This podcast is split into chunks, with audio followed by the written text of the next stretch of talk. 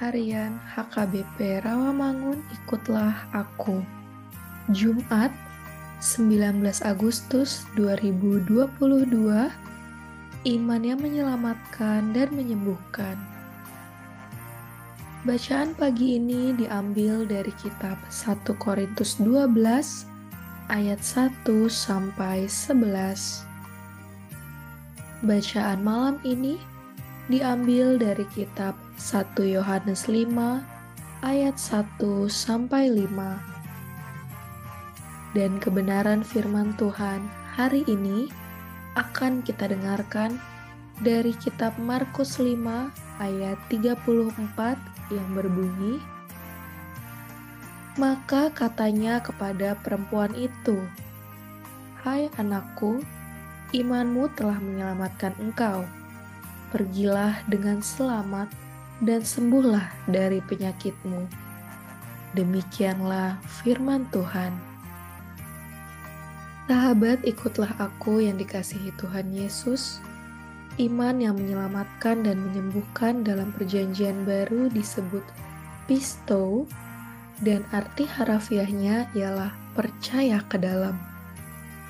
Artinya, iman yang mengeluarkan seseorang dari dirinya sendiri dan menaruh dirinya di dalam Yesus Kristus, sehingga terjadilah kesatuan dengan Kristus melalui iman.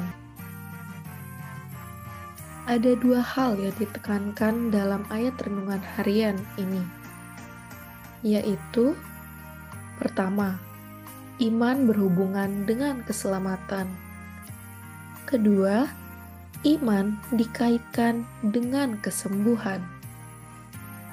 Kisah penyembuhan seorang perempuan yang sakit pendarahan seperti yang ada pada kitab Markus 5 ayat 26 sampai 34 menjelaskan bahwa perempuan itu telah mendengar berita-berita tentang Yesus. Ia mendekati Yesus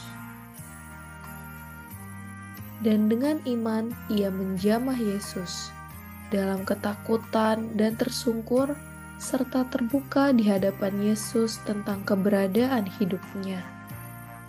Intinya, perempuan itu mengalami kesembuhan karena memiliki iman yang dapat menyentuh kepribadian Yesus. Si perempuan menampilkan imannya. Ia percaya penuh bahwa Yesus mampu menyembuhkannya. Itu sebabnya Yesus berkata, "Imanmu telah menyelamatkan engkau."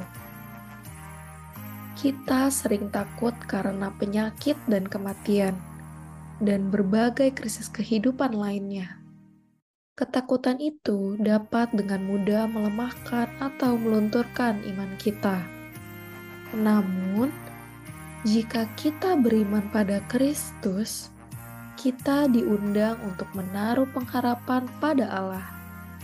Pada titik itu, kita diundang untuk mengatasi ketakutan kita, sebab apa pun situasi dan keadaan menimpa kita, tetaplah percaya di tengah semua situasi menakutkan itu.